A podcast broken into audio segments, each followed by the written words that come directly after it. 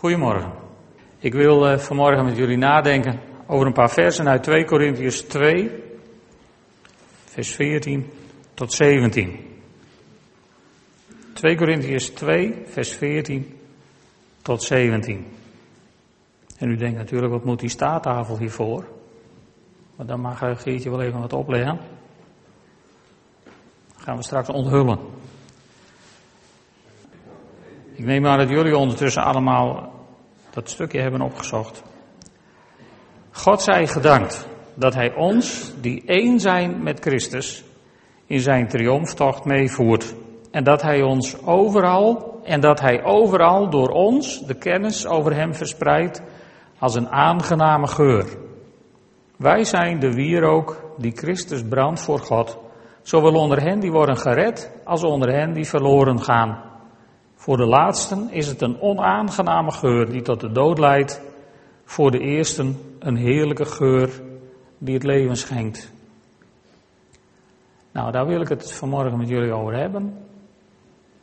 De Bijbeltekst die we gelezen hebben. Maar sommige mensen hebben gedacht, in mijn Bijbel staat het anders. En daarom kijk ik even met jullie naar de herziene statenvertaling. Daar staat het zo. En God zij dank die ons in Christus altijd doet triomferen en door ons de geur van zijn kennis op iedere plaats openbaar maakt.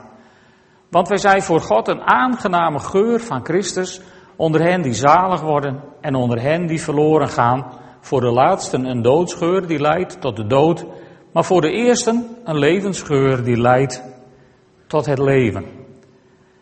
Uh, ik weet niet of het jullie opvalt, maar hier zitten een paar tegenstellingen in waar ik zo meteen even met jullie naar wil kijken. En we hebben een voorbeeld vandaag. We hebben een uh, iemand te hulp. Ik zal hem even voor jullie onthullen.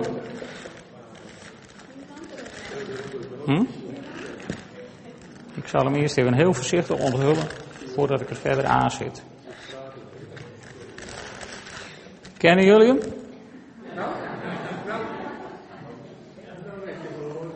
Nee?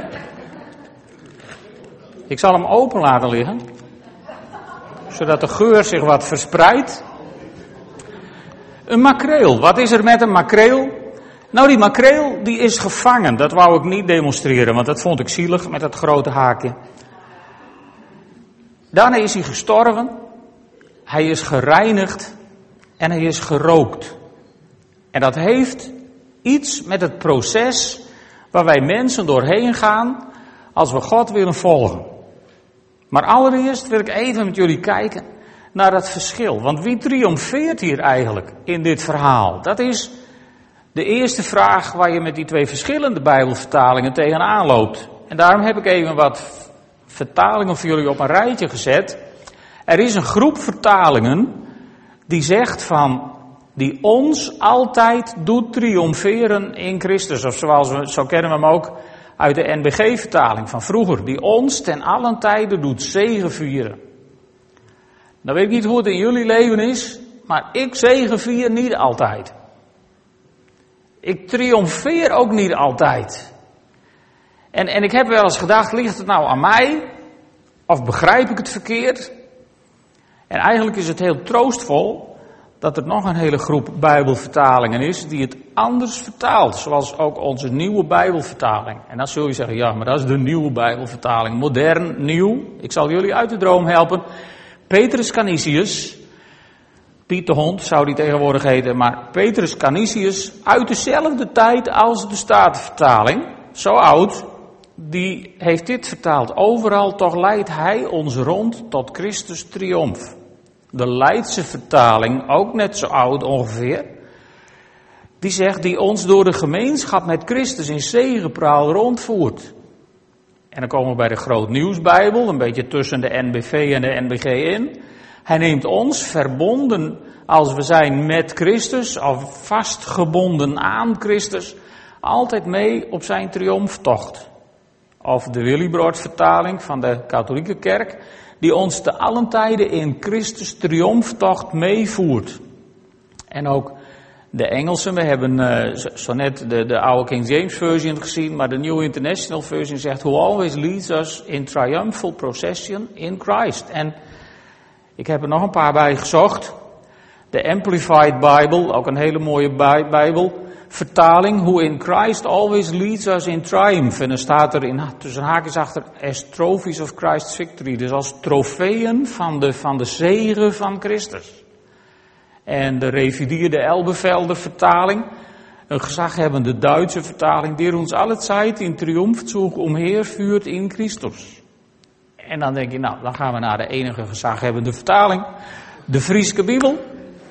En die zegt, die u altijd niet zien triomftocht mij neemt, die mienskip mij Christus. En welke groep vertalingen heeft nou gelijk, hè? Nou, misschien allebei wel een beetje, maar als je naar het Griekse woord teruggaat wat hier wordt gebruikt, dan heeft de tweede groep de beste papieren. Er wordt het werkwoord gebruikt, wat gebruikt wordt voor een Romeinse generaal, die op, op, op oorlogspad is geweest, en die na een grote overwinning zijn triomftocht houdt in Rome, hè, over, over de grote straat die ze daar hadden. En dan kwam zo'n generaal daar op zijn witte paard. Mocht hij daar in een koninklijke mantel Rome binnenleiden en vastgebonden aan hem of aan het paard of whoever. Maar daar liep een hele stoet krijgsgevangenen. Gevangen waren ze, net zoals die makreel, gevangen door die generaal. En, en dat woordje krijgsgevangen, dat, dat heeft, dat beeld wordt er door Paulus waarschijnlijk neergezet. En het waren niet die mensen die erachteraan liepen, gebonden aan die overwinnaar. Dat waren niet de mensen die triomfeerden. Nee, het was die generaal op dat paard die triomfeerde. Dus Christus heeft getriomfeerd. Hij heeft de machten van de hel ontwapend en openlijk tentoongesteld, zegt de Bijbel. Dus hij, hij voert zijn, zijn zegentocht door deze wereld. En wij hangen daar als kruisgevangenen achteraan. Dat sluit aan bij bijvoorbeeld Romeinen 6, vers 18. Maar daar heb je meteen weer zo'n typisch vertaalprobleempje. Die heb ik even rood gemaakt. De nieuwe Bijbelvertaling zegt, en bevrijd van de zonde hebt u zich in dienst gesteld van de gerechtigheid. Maar de Statenvertaling, die zegt, en vrijgemaakt van de zonde bent u dienstbaar gemaakt aan de gerechtigheid. Weet je, ik, ik geloof dat wij zelf niet zoveel, niet zoveel te kiezen hebben. Er valt niet zoveel te roemen. Paulus is als ik roem, dan roem ik in Christus.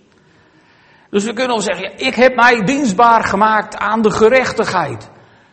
Nou, volgens mij heb je ergens in je leven ja gezegd tegen het aanbod van Jezus. Zeg maar, toen je het haakje met die worm voorbij zag komen van verlossing, toen dacht je, hap, die is voor mij. En sinds die tijd heb je eigenlijk niks meer te zeggen. Want zoals Paulus het hier schrijft, sluit dat aan bij dat verhaal van die generaal op zijn triomftocht. Die heeft die mensen die hij achter zich aan heeft, die heeft hij bevrijd uit het gezag van de ene koning. En hij heeft ze gebracht onder het gezag van de keizer. En dat is wat er gebeurde toen wij ja zeiden tegen Jezus.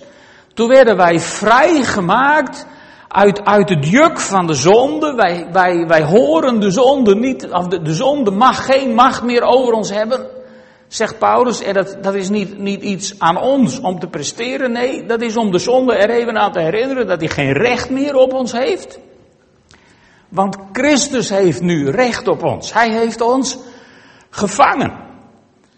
En dat vangen, dat is een hachelijke onderneming. Ik weet niet of jullie wel eens te makreelvangen zijn geweest. Ik wel één keer in mijn leven. En aan het eind van zo'n dag heb je een heel klein beetje impressie van het lijden van Christus. Ik tenminste die dag wel. Ik trof het ook niet misschien, maar ik heb beloofd dat ik niet eerder weer makrelen vang als ze een steiger bouwen die kant op. Anders niet. Dus dat is een hachelijke onderneming. Jezus kan daar uit ervaring over meepraten. Hij heeft u en mij gevangen. verlost uit de macht van het kwaad en gebracht onder de liefdevolle macht van het licht, van God de Vader. En dat was een hachelijke onderneming, het heeft zijn leven gekost. En op een dag liep hij langs een paar mensen en toen zei hij tegen hen, volg mij, ik zal jullie vissers van mensen maken. Zo heeft hij ze in drie jaar leren vissen. En zijn ze erop uitgestuurd. En ook die discipelen, die apostelen, hebben ontdekt dat het een hachelijke onderneming was om vissers van mensen te zijn. Maar ze hebben mensen gevangen en tegen hen gezegd, wij maken jullie nu ook vissers van mensen. En dat balletje, dat rolt nu inmiddels een kleine 2000 jaar over deze aarde. En op een dag kwam Jezus voorbij in jouw leven. Ik weet niet door wie of hoe, dat maakt ook niet uit. Maar op een dag zei Jezus tegen u, hé hey joh, volg mij, want ik maak je vissers van mensen. Daarvoor zijn we door Christus geroepen, om andere mensen te vangen voor het evangelie. Misschien denk je van, goh, dat, dat, uh, dat gaat me niet zo handig af. Dan heb ik een geweldig buitenkansje voor jullie in de aanbieding. Want op 1 september is de trefmarkt op de Dam, midden in Drachten. En daar is een hele stapel besteld van een prachtig blad. Meer heet het. En dat is een heel uitdagend blad over geloof. En dat gaan we daar met een, een zoveel mogelijk gelovigen uitdelen aan de mensen die daar voorbij komen. Gratis. Zomaar. Zonder praatje eraan, zonder mensen op de nek te zitten of zonder wat dan ook. Alleen maar het haakje met de worm. Snap je hem? Nou, als je dat zou willen oefenen, dat vissen 1 september, de kans van je leven. Kom vooral meedoen. Nou, zo is, zo is hij of zij ooit gevangen. Gevangen. Maar na dat vangen begint het pas. Na dat vangen is die vis gestorven. En de bedoeling is, en dat is misschien wel iets waarom, waarom iets in ons binnenste zich zo verzet heeft tegen het gevangen worden door Jezus Christus. Maar hij heeft ons gevangen om ons te doen sterven. Heel veel mensen denken, nou, ik ga Jezus volgen, want dan wordt het hele leven beter. Dat is misschien wel zo, maar het begint met sterven. En uh, in Romeinen 6 legt Paulus dat heel mooi uit. Romeinen 6. Zo zijn wij met Christus gestorven. En wat zijn we met hem? We zijn met hem begraven in het waterbad. Kan op 16 september, als je dat nog in moet halen. Zeer aan te bevelen. En daardoor zijn we met hem opgestaan in een nieuw leven. Dus dat sterven, dat is heel erg noodzakelijk. Daar kun je niet omheen. Daar gaat het ook niet zonder, maar dan kom je niet verder. Want hij of zij staat op mijn menu voor vanmiddag. Ja, jammer hè, ik eet hem zelf op. Hm. Jullie mogen even ruiken aan de geur. Maar stel je nou voor dat hij vanmiddag op mijn bord zou liggen spartelen. Dat zou je eetlust verzieken, of niet? Nee? Nou, niet van mij wel. Ik hoop dat hij stil blijft liggen. Want dat sterven is noodzakelijk. In, in Johannes 12, vers 24 dan zegt Jezus tegen zijn discipelen, waarachtig ik verzeker u, als een graankorrel niet in de aarde valt en sterft, blijft het één graankorrel. Maar wanneer hij sterft, draagt hij veel vrucht.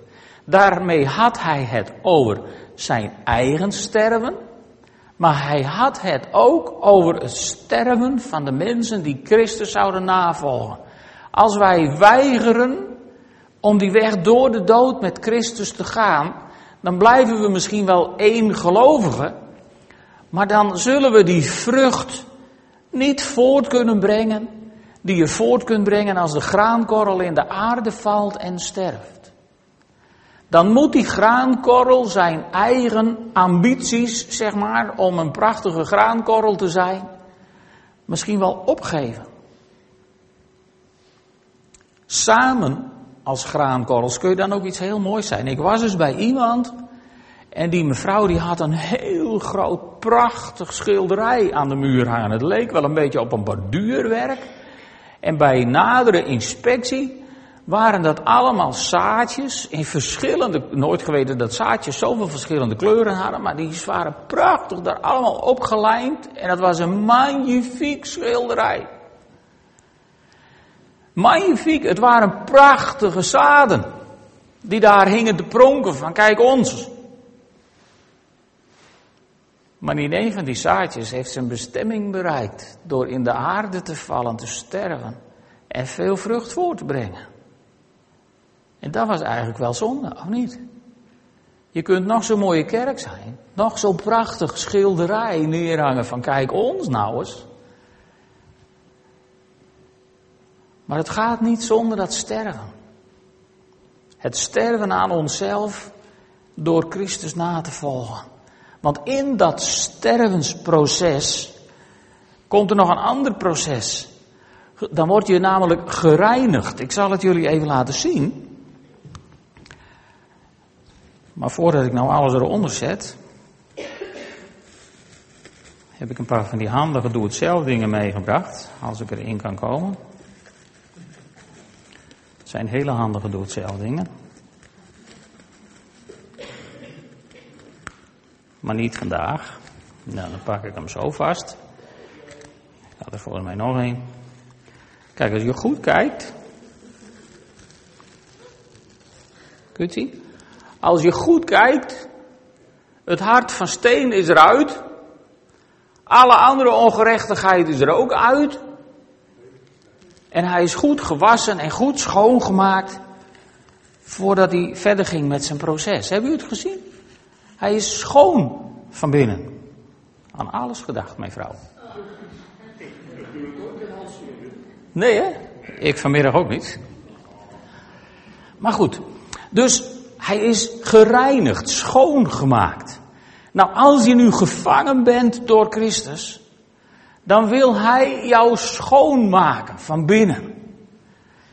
Maar het is handiger voor Hem als je eerst sterft aan jezelf. Het is ook humaner voor die makreel om hem eerst te laten sterven voordat je hem schoonmaakt. Het gevolg is overigens beide hetzelfde. Goed, hij is dus gereinigd. En weet je, dat is een belofte die wij mensen hebben.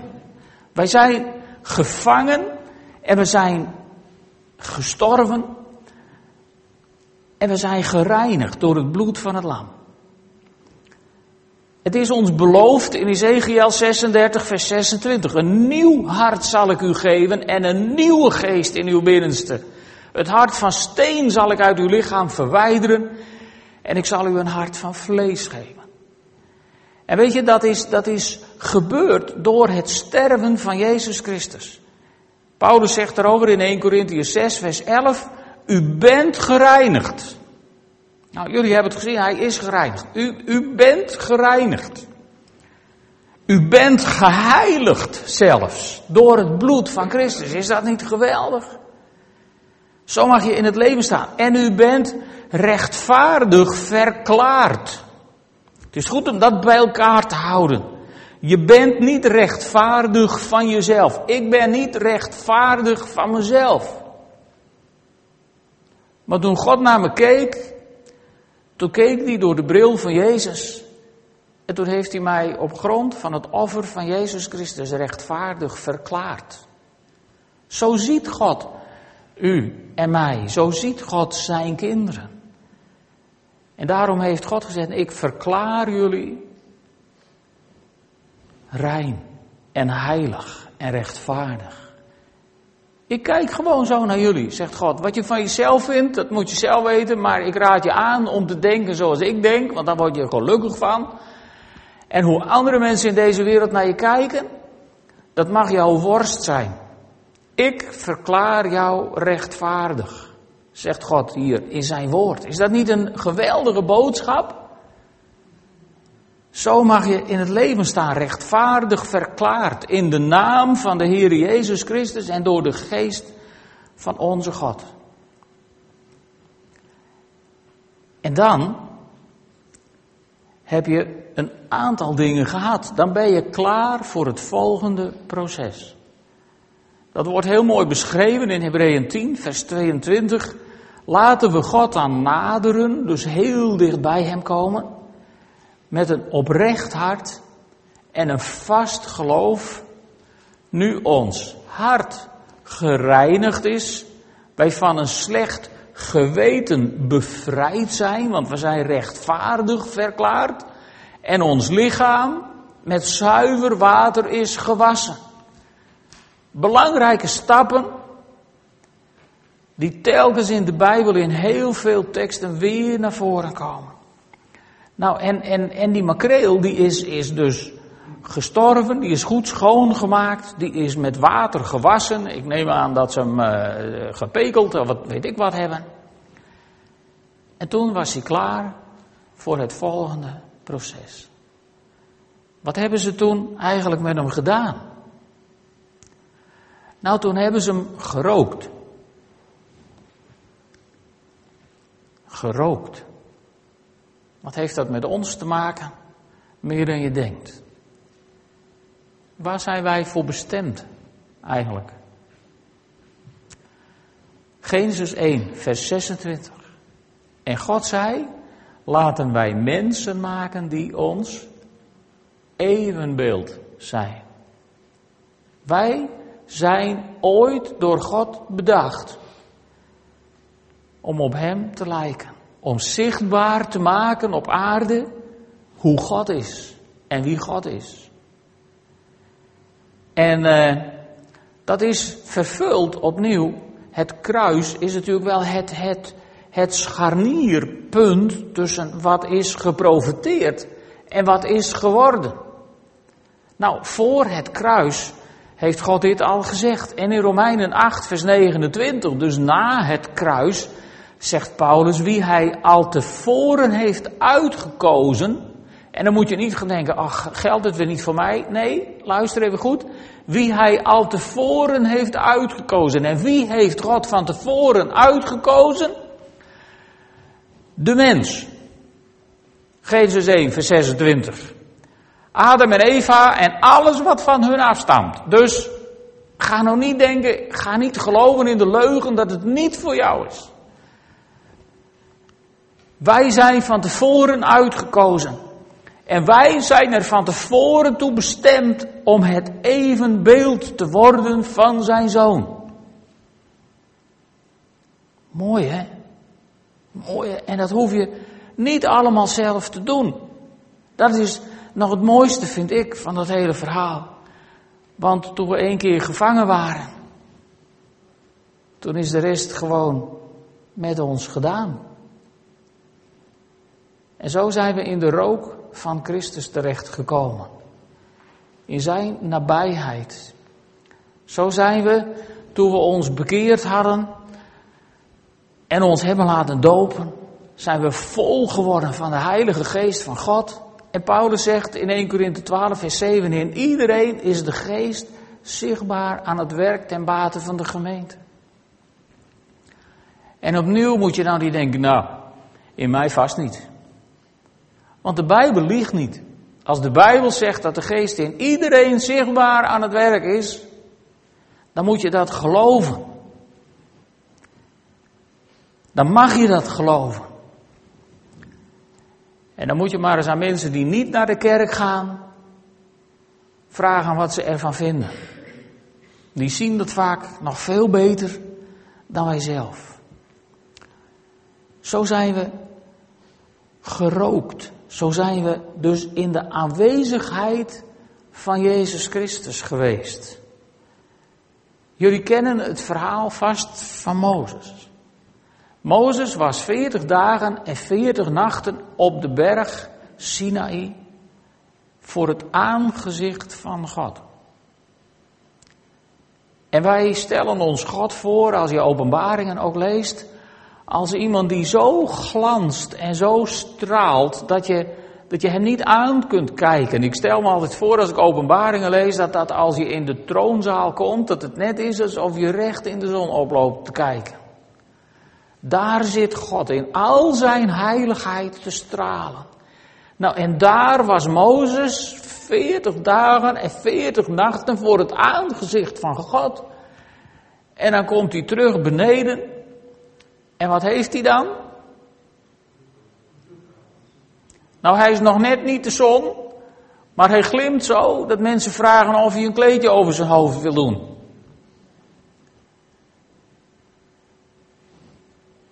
Nou zijn wij nooit bij God op de berg Sinaï geweest.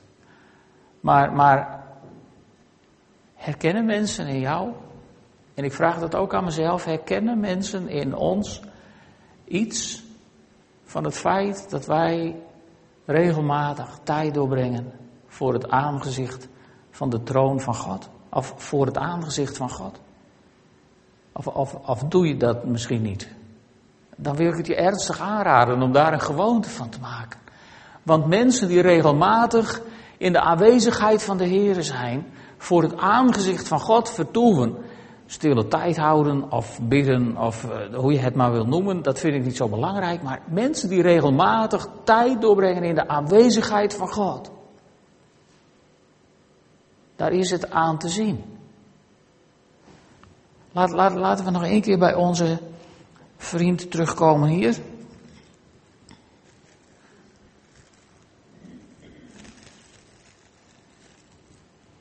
Kijk, je kunt aan hem zien dat hij gevangen is.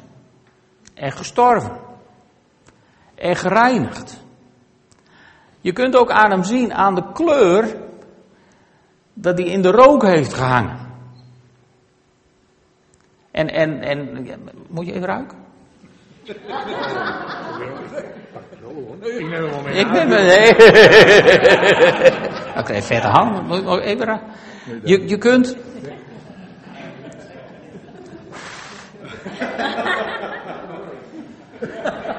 Je kunt aan hem ruiken waar die geweest is. Lekker hè? Ja. Je kunt aan hem ruiken waar hij geweest is. Kunnen ze aan jou ook ruiken waar je geweest bent? En dan kom ik even terug bij de tekst waar we mee zijn begonnen. Dat hij overal door ons de kennis over hem verspreidt als een aangename geur. Dus dat hij overal ons. Ik hoef me niet uit te sloven om de geur van Christus te verspreiden. Als ik in zijn aanwezigheid ben geweest, dan verspreidt hij door mij overal de geur van Christus. Die makreel hoeft hier niet door de zaal te rennen om zijn geur te verspreiden. Als ik hem een zijn staartje hier even langs haal, dan hebben jullie hem allemaal geroken. Dat doe ik niet, want dan komen jullie allemaal bij ons eten, misschien vanmiddag, maar. De geur van Christus wordt door ons verspreid. Maar dan moet die geur van Christus eerst helemaal door je heen getrokken zijn. En weet je, Jezus, of de, Paulus, die vergelijkt het in het volgende vers met wij zijn de wierook die Christus brandt voor God. Hoe ging dat met zo'n generaal? Als zo'n generaal, kijk in die tijd hadden ze nog niet al die parfumpjes en, en dingen, maar als zo'n generaal van de strijd kwam, dan werd hij helemaal bewierookt. Daar hebben we dat in, in sommige kerken vandaan, hè, niet zelf uitgevonden, maar dan werd hij helemaal bewierookt en met heerlijk reukwerk werd hij werd hij bewapperd, zeg maar. En, en als hij dan door de straat trok, dan zagen de mensen die krijgsgevangenen. En dan roken ze ook die geur van, van, van eerbetoon die aan hem was gegeven. En zo zijn wij bedoeld om, om door die geur van Christus in ons leven een één groot eerbetoon te zijn aan de Zoon van God, de generaal die alle machten en overheden in deze wereld heeft ontwapend en openlijk tentoon heeft gesteld. En daardoor u en mij heeft bevrijd van de macht van het kwaad. En als je wel eens last hebt van de macht van het kwaad, dan moet je het kwaad maar even herinneren aan deze ochtend. Satan heeft geen enkel recht meer om ons überhaupt aan te blazen of te imponeren. Ik zeg altijd tegen mensen, of tenminste, je hoort wel eens van mensen die heel bang zijn voor alles wat met duisternis te maken heeft. Maar weet je, de duisternis is doodsbenauwd voor de kinderen van God. Zo hoort het ook volgens mijn draaiboek. De duivel hoort bang te zijn als de kinderen van God in de buurt komen, want dan ruikt hij die geur van Christus en dan denkt hij, wegwezen. Zo moeilijk is het niet. Zo moeilijk is het niet. Een makreel. Je bent er gek op of je gruwt ervan. Dat is ook eigenlijk het laatste deel van onze tekst. Want wij zijn dan wel die wierook die brandt. En voor hen die worden gered, is het een aangename geur ten leven. En voor hen die ja, niet worden gered, voor hen die ervoor hebben gekozen om Christus niet te volgen, kun je als christen wel eens heel aanstootgevend zijn. Ik weet niet of het jullie wel eens opvalt, zo langzamerhand in dit land, maar eh, als hij wat naars zegt over Allah, dan word je aangeklaagd wegens discriminatie. Maar je mag al het nare over mijn God zeggen in dit land waar je maar zin aan hebt. En daar is niets tegen te doen.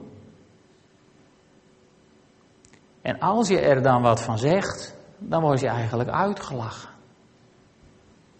Als je als christen voor je, voor je, voor je dingen staat, dat is eigenlijk voor heel veel mensen tegenwoordig maar niet te accepteren. Kijk alleen maar naar de enorme uh, moeite die er wordt gedaan om de zogenaamde weigerambtenaar eruit te werken. Iedereen mag op grond van zijn geweten bezwaar hebben tegen sommige dingen om te doen, behalve een christen. En we worden nog net niet vervolgd, maar het begint er in sommige beroepsgroepen bijna op te lijken. Durf jij, durft u de geur van Christus te verspreiden? Durf je heel dicht in de aanwezigheid van God te zijn, te komen en van daaruit je leven in deze wereld te leiden? Dat is de hamvraag voor deze ochtend. Je medegelovigen zullen er ontzettend blij mee zijn. En mensen die anti-geloof zijn, ja, die zullen misschien wel een bloedhekel aan je krijgen.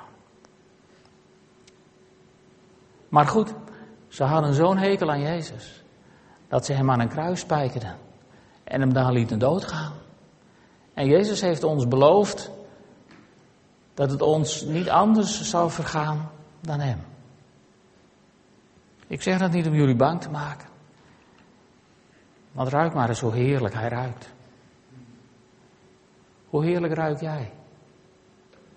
Voor de mensen om je heen. Ben je onderweg om het evenbeeld van Christus te worden? Zodat deze wereld zal zien en beleiden dat Jezus Heer is? Ben je onderweg, al is het ook maar zo'n stukje. Ik ben ook nog niet zo ver. Tenminste, die pretenties heb ik absoluut niet.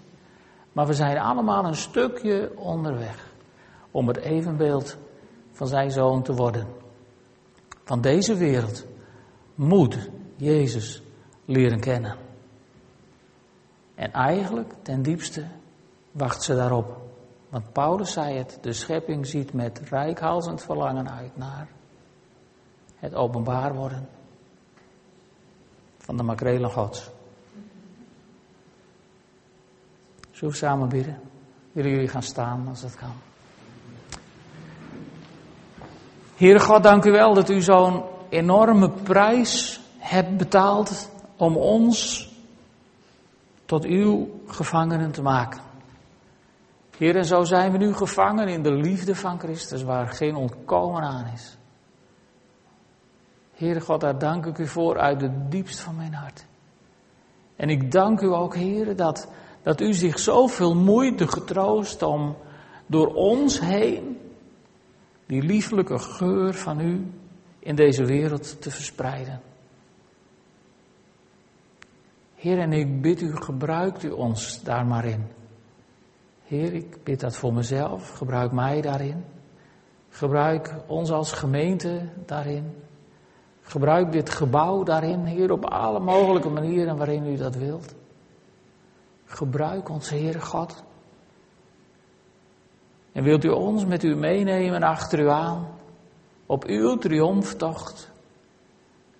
Heer, als een machtig getuigenis van uw grootheid en van uw heerlijkheid. Heer, zo wil ik u eren en aanbidden. En u danken voor wat u in mijn leven hebt gedaan. En in het leven van velen van ons hier vandaag. Heer, en als we nog stappen hebben te zetten, wilt u dan overtuigen door de kracht van uw geest. Dat bid ik van u in de naam van Jezus Christus. Amen.